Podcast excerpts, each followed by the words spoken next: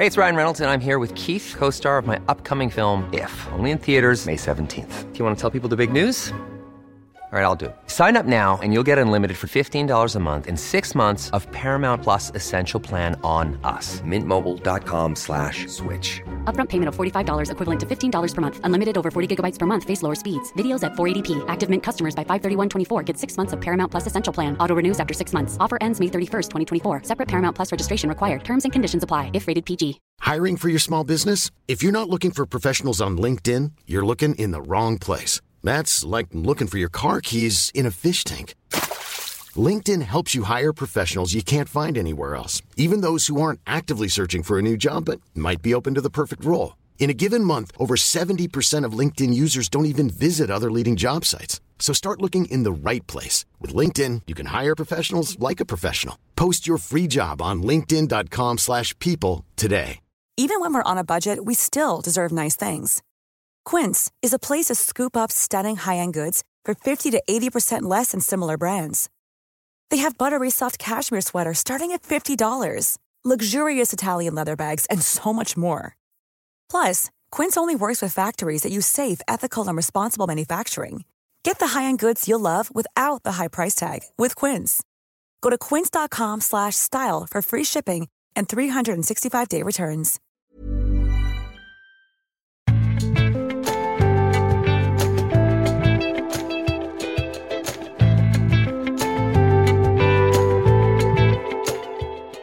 Hvordan kan Guds rike vokse i et mer avkristna samfunn? Dette er Tore og Tarjei, en podkast fra dagen.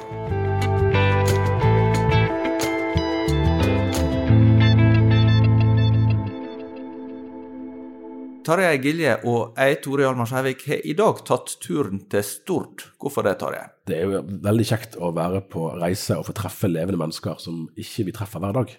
Det stemmer. Og eh, den vi eh, møter i dag, har faktisk vært med oss i podkasten før, men eh, Da var det digitalt. Da var det jeg tror jeg digitalt. vi strevde litt med forbindelsen da, faktisk. ja. Så det er veldig kjekt å se Sigurd Grindheim i levende live. Du har en veldig gøy yrkestittel, Sigurd. Nå skal jeg finne det frem helt nøyaktig. For du er jo professor i litt av hvert. Både kristendom, religion, livssyn og etikk, stemmer ikke det? Det, det er min offisielle tittel, ja. Ja, Så du er litt å ta av. Ja, velkommen til Stord. Det er hyggelig å eh, ha dere eh, på besøk her. Og takk for at eh, dere inviterte meg tilbake til podkasten. Det er vi glad for. Det er vi. Professor altså på Høgskolen på Vestlandet, avdeling Stord. Rett skal være rett. Ja. Det, da, da har du ca. du en kvarters kjøretur omtrent? Fra der Ja, bor, cirka- her vi er nå, til, det, ja. til campusen som ligger der. Så vi har akkurat tatt halvhjem Sandvikvåg og kunnet kjøre den nye motorveien til Os og få testet ut det. Eh, Så det er veldig fint. Det er det. Eh, og bakgrunnen for at vi har kommet hit, det er jo at eh, du er ute med ei bok som er både ny og samtidig ikke ny. For du har rett og slett oversatt din egen bok fra engelsk til norsk. Den heter 'Livet i Guds rike' og er kommet nå på norsk. Men eh, bakgrunnen for at du skrev den først på engelsk, er at du i mange år har forska og undervist i USA. Og deretter var ei periode i Etiopia. Så du har egentlig erfaring fra tre kontinenter som eh, teolog og, eh, og forsker. Det gjør jo at du har egentlig eh, litt forskjellige innfallsvinkler til dette med ja, hva betyr det å leve som en kristen, og hva betyr det i ganske forskjellige sammenhenger. Og kanskje du kan si litt først om hvorfor denne boka har vært viktig for deg å, å skrive. Ja, det er riktig som du sier. Den har blitt til på bakgrunn av erfaringer og forskning over eh, mange år. Det begynte vel nesten eh, da jeg begynte å undervise i 2002, og det var en student som stilte meg et spørsmål om eh, Guds rike, og jeg følte at jeg ikke egentlig kunne gi noe godt svar. eh, og det stimulerte eh, da en eh, interesse i å forske eh, mer på dette, og eh, det har vært et tilbakevendende tema eh, i min forskning siden da. Eh, og det har eh, eh, gitt meg veldig mye for mitt eget personlige eh, trosliv, eh, som jeg da eh, med denne boken ønsket å dele med et litt eh, bredere publikum enn de som leser eh, vitenskapelige monografier og eh, artikler. Forhåpentligvis. Vi får se eh, hva lesernes dom blir. Men Det som du går inn på her, er jo eh, et veldig stort tema. for Du nevner det i boka at Guds rike er jo noe av det som Jesus snakker egentlig mest om. Og dette her riket som skal komme i, i denne verden. Og så har det jo vært forskjellige forsøk på å realisere dette riket. Eh, og, og eh, noen av dem vil en i etterkant tenke at dette her var ikke spesielt lurt, og andre forsøk vil en tenke at her er noe å la seg inspirere av. Og så har det jo med så mange ting å gjøre. Det har med den enkelte kristne sitt liv, og det har med hva samfunnet en skal være med på, på, å skape. Men kan du si noe om utgangspunktet ditt her? Eh, Hvorfor er dette her et, et viktig tema? Hva, hva, oppfatter du egentlig at, eh, at Det nye testamentet sier om, om, Guds rike? Hva er det for noe? Eh, for meg så personlig var det nok eh, overraskende å se hvilken vekt Jesus og Det nye testamentet legger på at Guds rike allerede er en virkelighet. Jeg var nok vant med å tenke sånn at Guds rike var noe som vi fortsatt ventet på, som vi skulle få komme inn i eh, etter eh, den ytterste dom, etter oppstandelsen fra de døde. når det, eh, Gud skal skape en ny himmel og en ny jord. Da kommer eh, Guds rike. Så det venter vi eh, på. Sånn tenkte jeg veldig mye.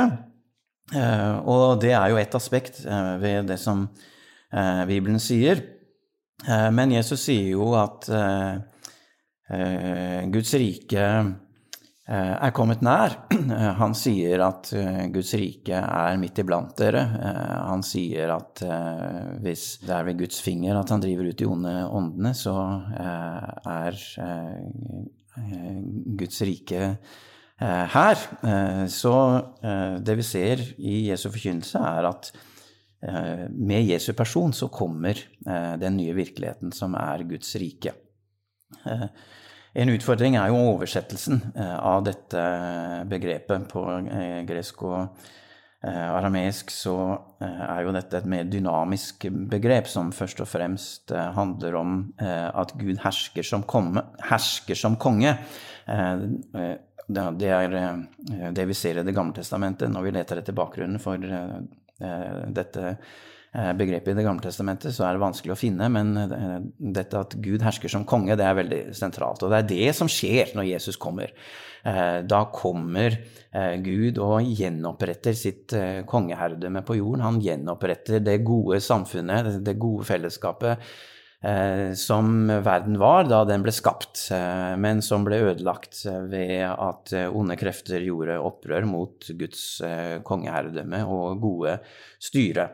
Eh, og eh, det slo meg her eh, da jeg så på NRKs oppsummering av nyhetsåret 2022, for det var jo stort sett ganske pessimistisk, og så kom det liksom fram i sendingen Fins det håp? Eh, og jeg tror ikke det var noen som sa det direkte, men det som indirekte kom fram, er det håp om at rettferdigheten skal seire. Og da slo det meg, det er jo det vi tror på som kristne, at rettferdigheten har seiret. Eh, men hvordan kan det ha seg at eh, rikskringkasteren i et kristent land ikke er klar over det? Og det henger vel sammen med at det ikke er så mange kristne som er klar over det heller, tror jeg, når det kommer til stykket, at det er faktisk det vi tror på. At Eh, Gud har kommet til verden for å sette alt i rette skikk, og han har gjort det eh, i Jesus Kristus. Og han har vunnet seieren over eh, onde makter. I evangeliene så er dette veldig konkret, på en måte som det er litt vanskelig for oss i det 21. århundret å forholde oss til. Men måten som Jesus demonstrerer dette på, det er rett og slett at han kaster ut og fordriver Eh, de onde åndene. Eh, og i en beretning eh, så får vi vite at en av de onde åndene sier til Jesus, har du kommet for å ødelegge oss? Og det er nettopp uttrykk for at de vet hva som er i ferd med å skje.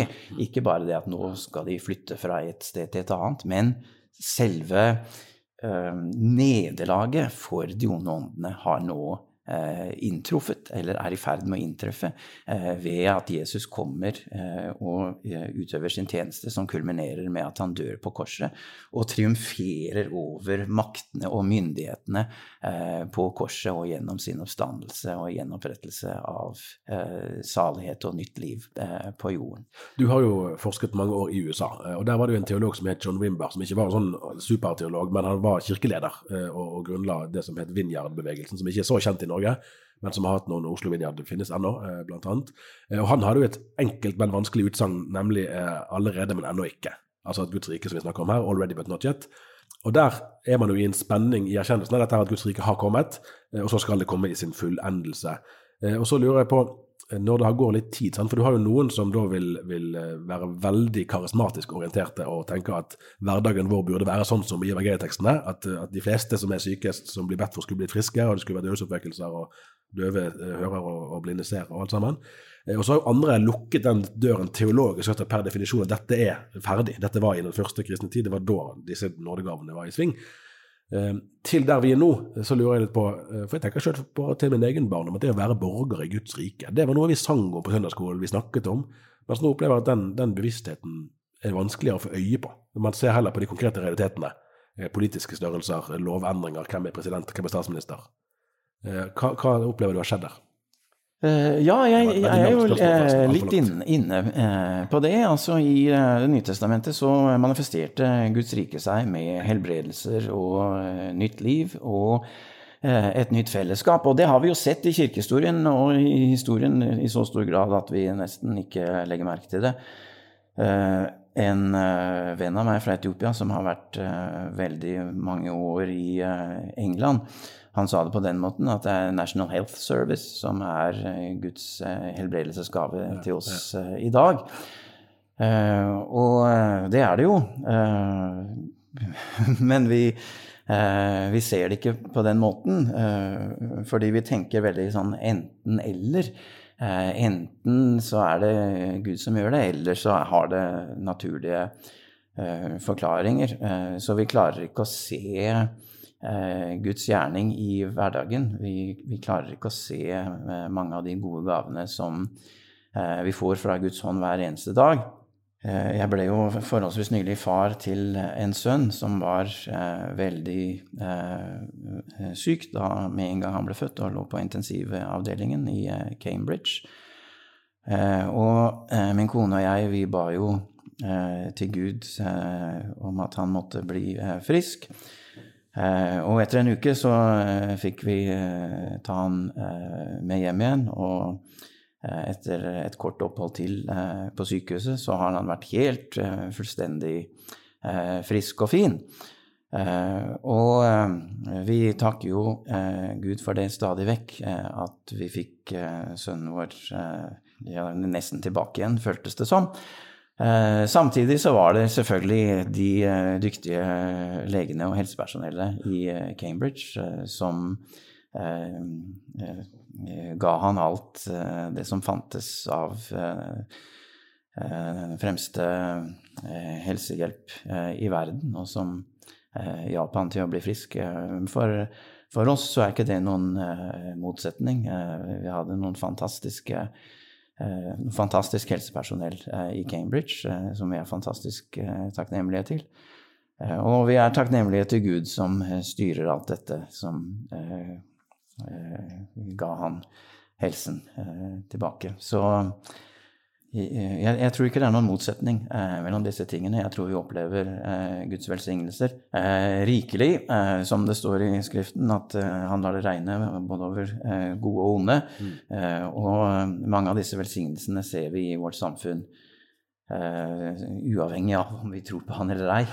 men i, i, vårt, i, vårt, land så har vi fått oppleve veldig mye av det.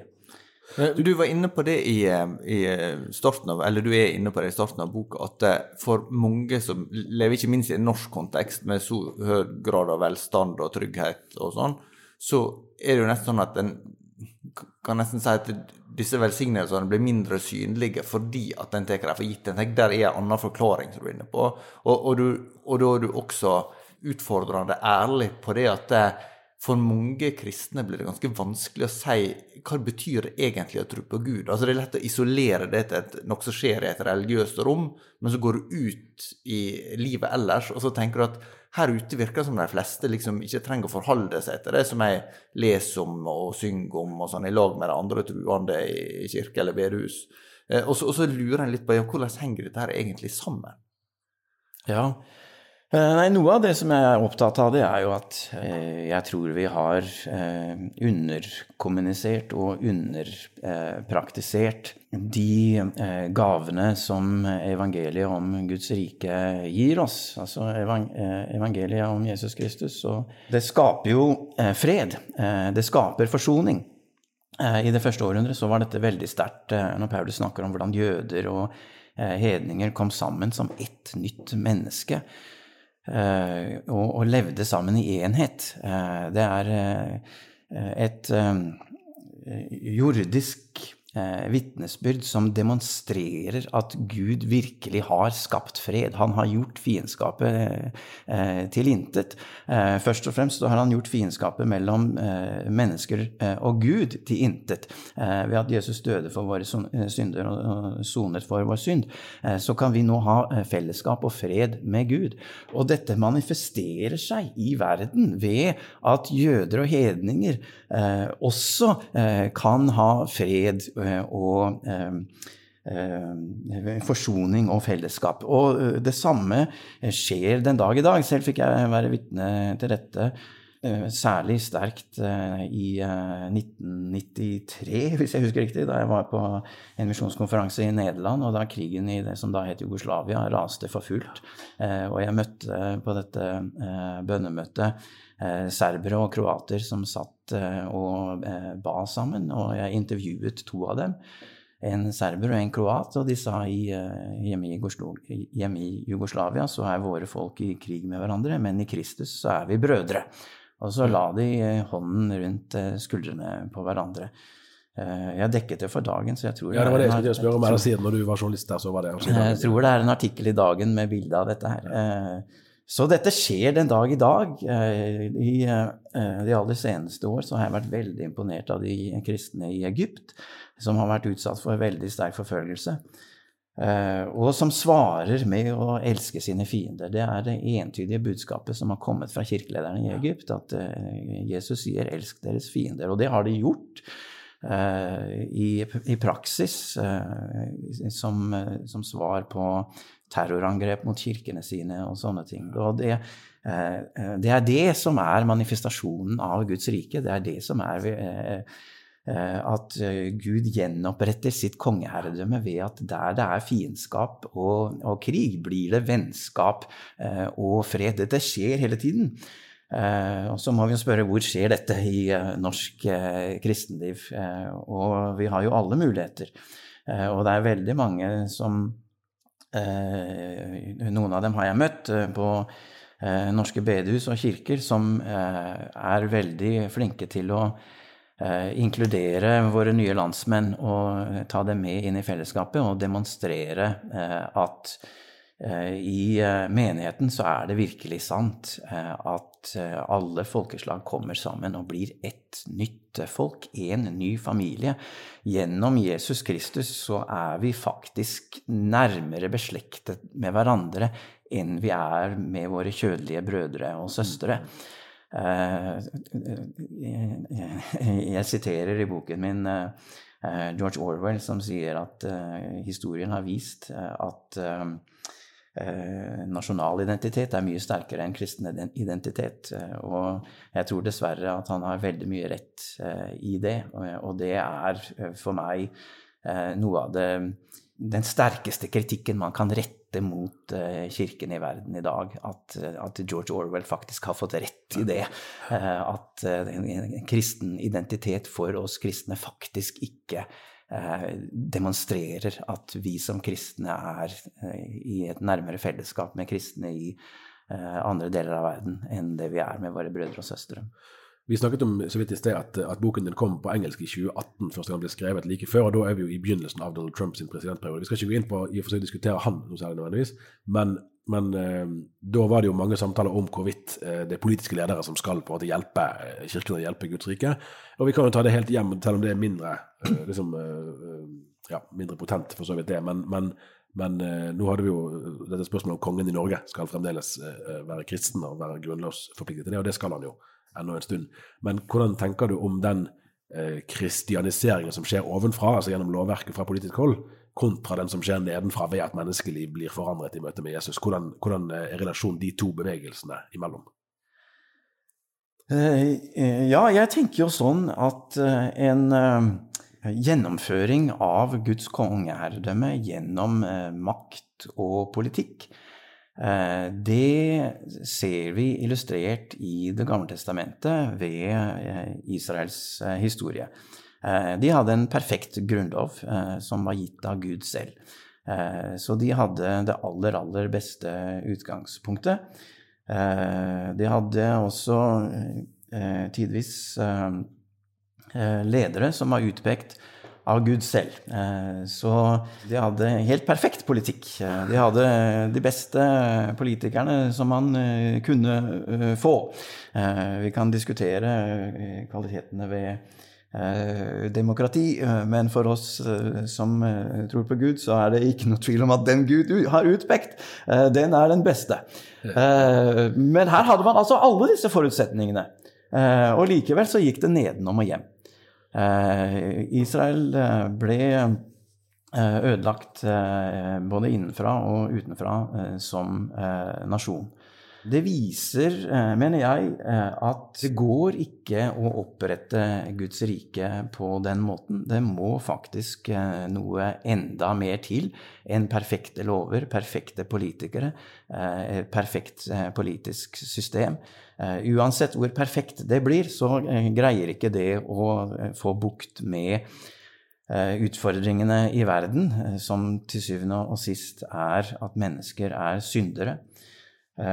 Og det må noe helt annet til, nemlig Gud selv må komme til verden, som han gjorde i Jesus Kristus, og opprette sitt eh, kongeherredømme og sitt rike, som han gjorde ved å lide og dø for våre synder eh, og eh, stå opp igjen fra de døde. Eh, Så jeg skriver en, en god del om hvordan eh, Guds rike eh, forvandler ikke bare eh, enkeltmennesker eh, ved Den hellige ånd og ved den etiske forvandlingen som skjer når eh, Guds kjærlighet blir utøst i våre hjerter, eh, men også den forvandlingen som skjer i samfunnet eh, når eh, Guds rike får eh, innflytelse på samfunnet. Eh, Og det skjer eh, på samme måten. Eh, Det skjer ved at det er mennesker som blir forvandlet innenfra ved eh, Guds kjærlighet. Det skjer ved at tilgivelsens kraft eh, skaper nye samfunn. Jeg tar jo eksempelet med Martin Luther King, eh, som jeg syns er et fantastisk eksempel på kraften i eh, dette forsoningens eh, budskap. Eh, Når jeg har lest litt av hans eh, taler, så, så slår det meg hvor forskjellig de talene er fra stort sett alt annet jeg har hørt. Eh, for der er det ikke hint om at det er oss imot dem, nå må vi vinne seier over eh, om det er fundamentalistene vi må vinne seier over, eller om det er liberalerne, eller om det er ateistene, eller hvem det er vi må vinne seier over. Eh, det er eh, at forsoningen må vinne over fiendskapet. Det er at eh, vennskapet må vinne over eh, uvennskapet. Det er at kjærligheten må eh, vinne over hatet. Eh, han vil ikke gjøre slutt på morderne, han vil gjøre slutt på mord. Eh, og det gjør du ikke ved å myrde morderne, eh, men det gjør du ved kjærlighetens makt. Eh, ved å elske våre fiender, eh, så skaper vi dette, eller så opprettes dette nye samfunnet. Jeg burde være forsiktig med å bruke ordet skape om oss. Det er Gud som er skaper, og det er Gud som eh, er den som utfører dette ved sin ånd og ved sin kjærlighetsmakt. Men denne makten er virksom gjennom oss når vi iverksetter det budskapet som han har gitt oss. Det det er en spenning der som jeg lurer litt på hvordan du, du eh, reflekterer rundt. Med, på den ene sida så betoner du veldig sterkt menneskets skrøpelighet, og det at det, eh, vi kan ha så høye ideal vi vil, men eh, du er jo ganske sånn eh, åpen om at du har blitt nokså skuffa i ja, menighetssammenheng, og skuffa over deg sjøl, for den del. Men, men at det kristne ideal er jo veldig sånn de er veldig høye, og så kommer en til at her er det skrøpelige mennesker som skal sette deg ut i livet, og så blir det liksom ikke helt så bra som en hadde tenkt. Men så, så er det jo samtidig den utfordringa som du skisserer, den er jo Altså, det å begynne å elske sine fiender, det er jo det er jo på en måte det vanskeligste et menneske kan gjøre.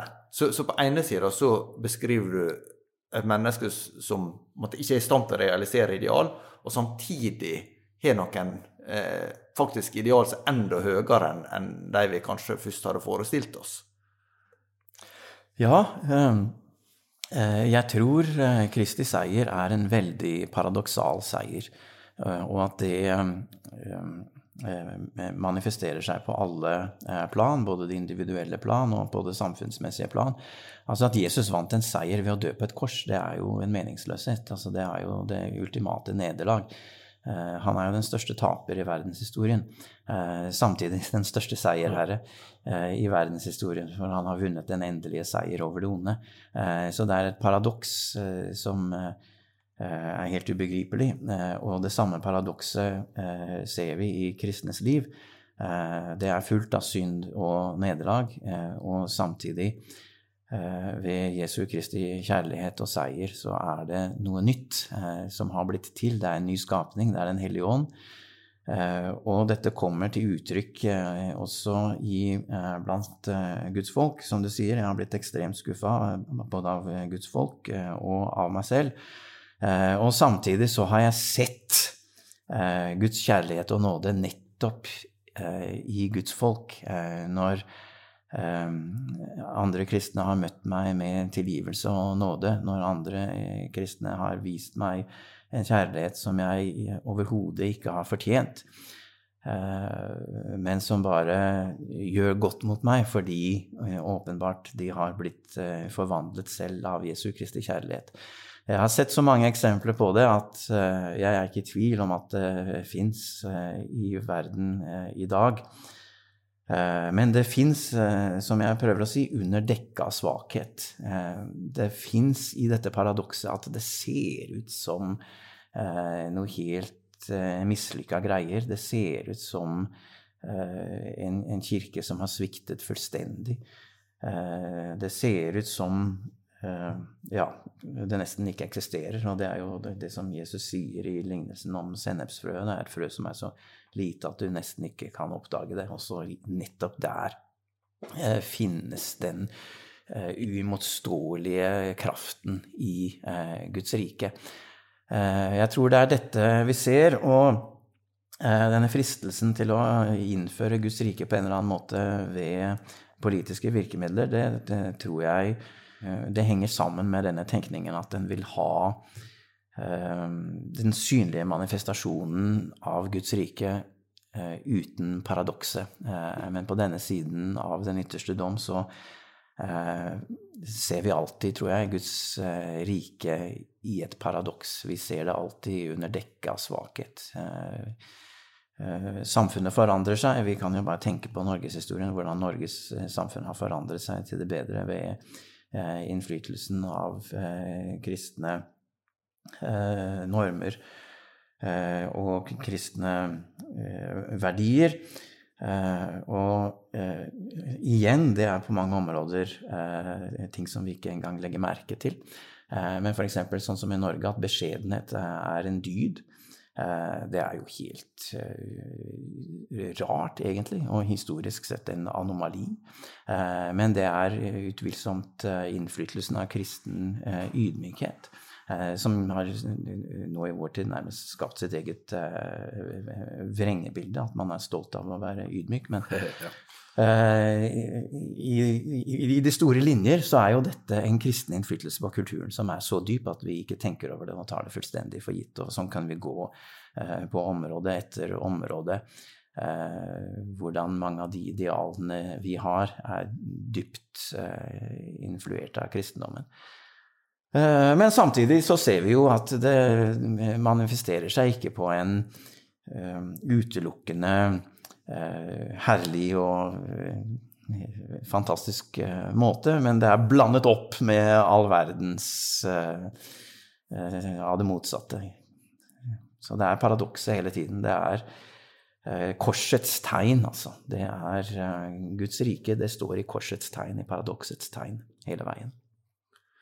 Der er ei side der, for å avslutte litt der vi begynte, da, med, med at når en nå lever i en kultur som, som en mer og mer snakker om som sekulær eller sekularisert, iallfall, eller postkristen, eller Det blir jo brukt litt forskjellige begrep. Så vil jo som sagt ja, dette Guds rike, det, det, ser ut til å være på retur.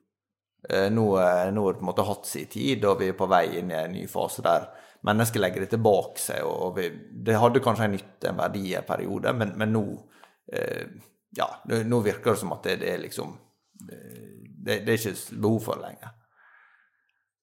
Eh, ja, jeg siterer av og til for studentene mine en religionsforsker. Nå står det stille for meg hva navnet hans eh, var for en eh, ca. 50 år siden, som sa at om 50 år så kommer det ikke til å være noe mer religion igjen i verden. Eh, og det som har eh, skjedd i den tiden, er jo at eh, religion blir mer og mer sentralt. Det blir flere og flere kristne. Kirkene vokser jo mer enn noensinne. Så sånne spådommer er ikke noe nytt, og de har vist seg å slå veldig, veldig feil.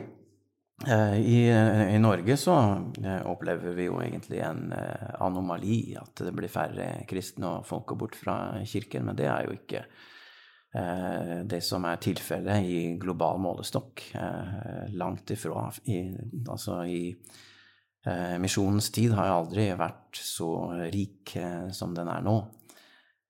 Så det, det, det har jeg ikke noe tro på.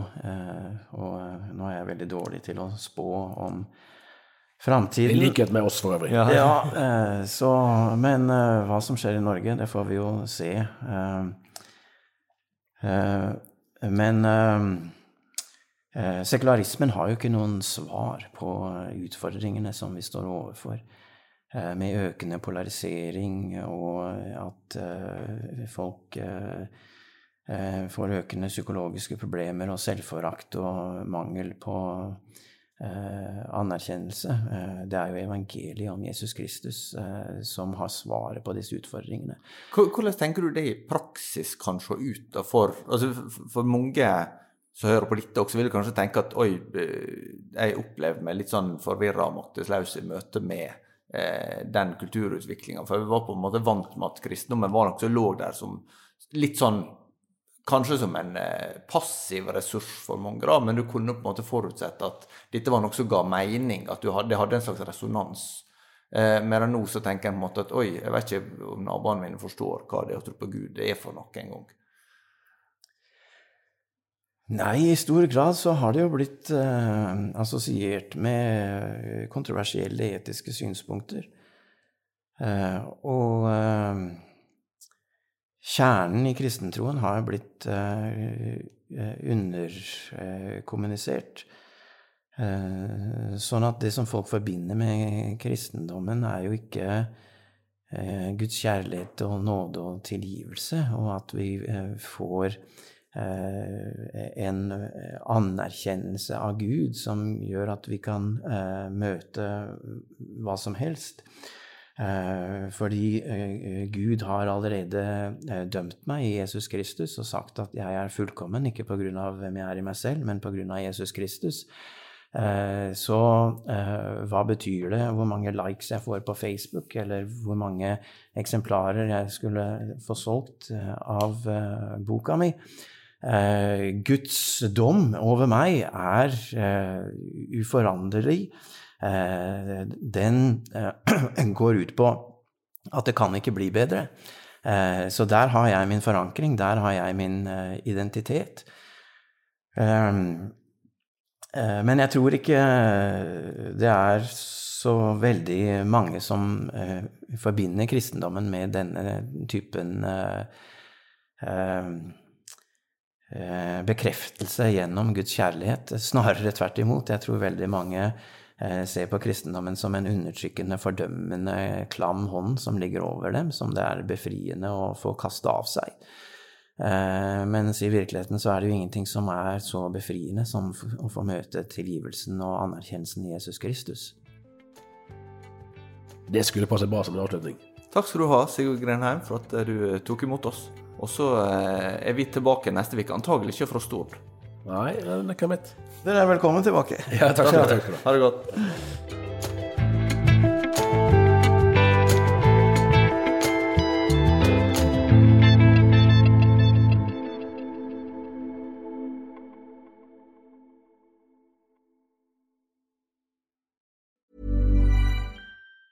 Even on a budget, quality is non-negotiable. That's why Quince is the place to score high-end essentials at 50 to 80% less than similar brands. Get your hands on buttery soft cashmere sweaters from just 60 bucks, Italian leather jackets, and so much more.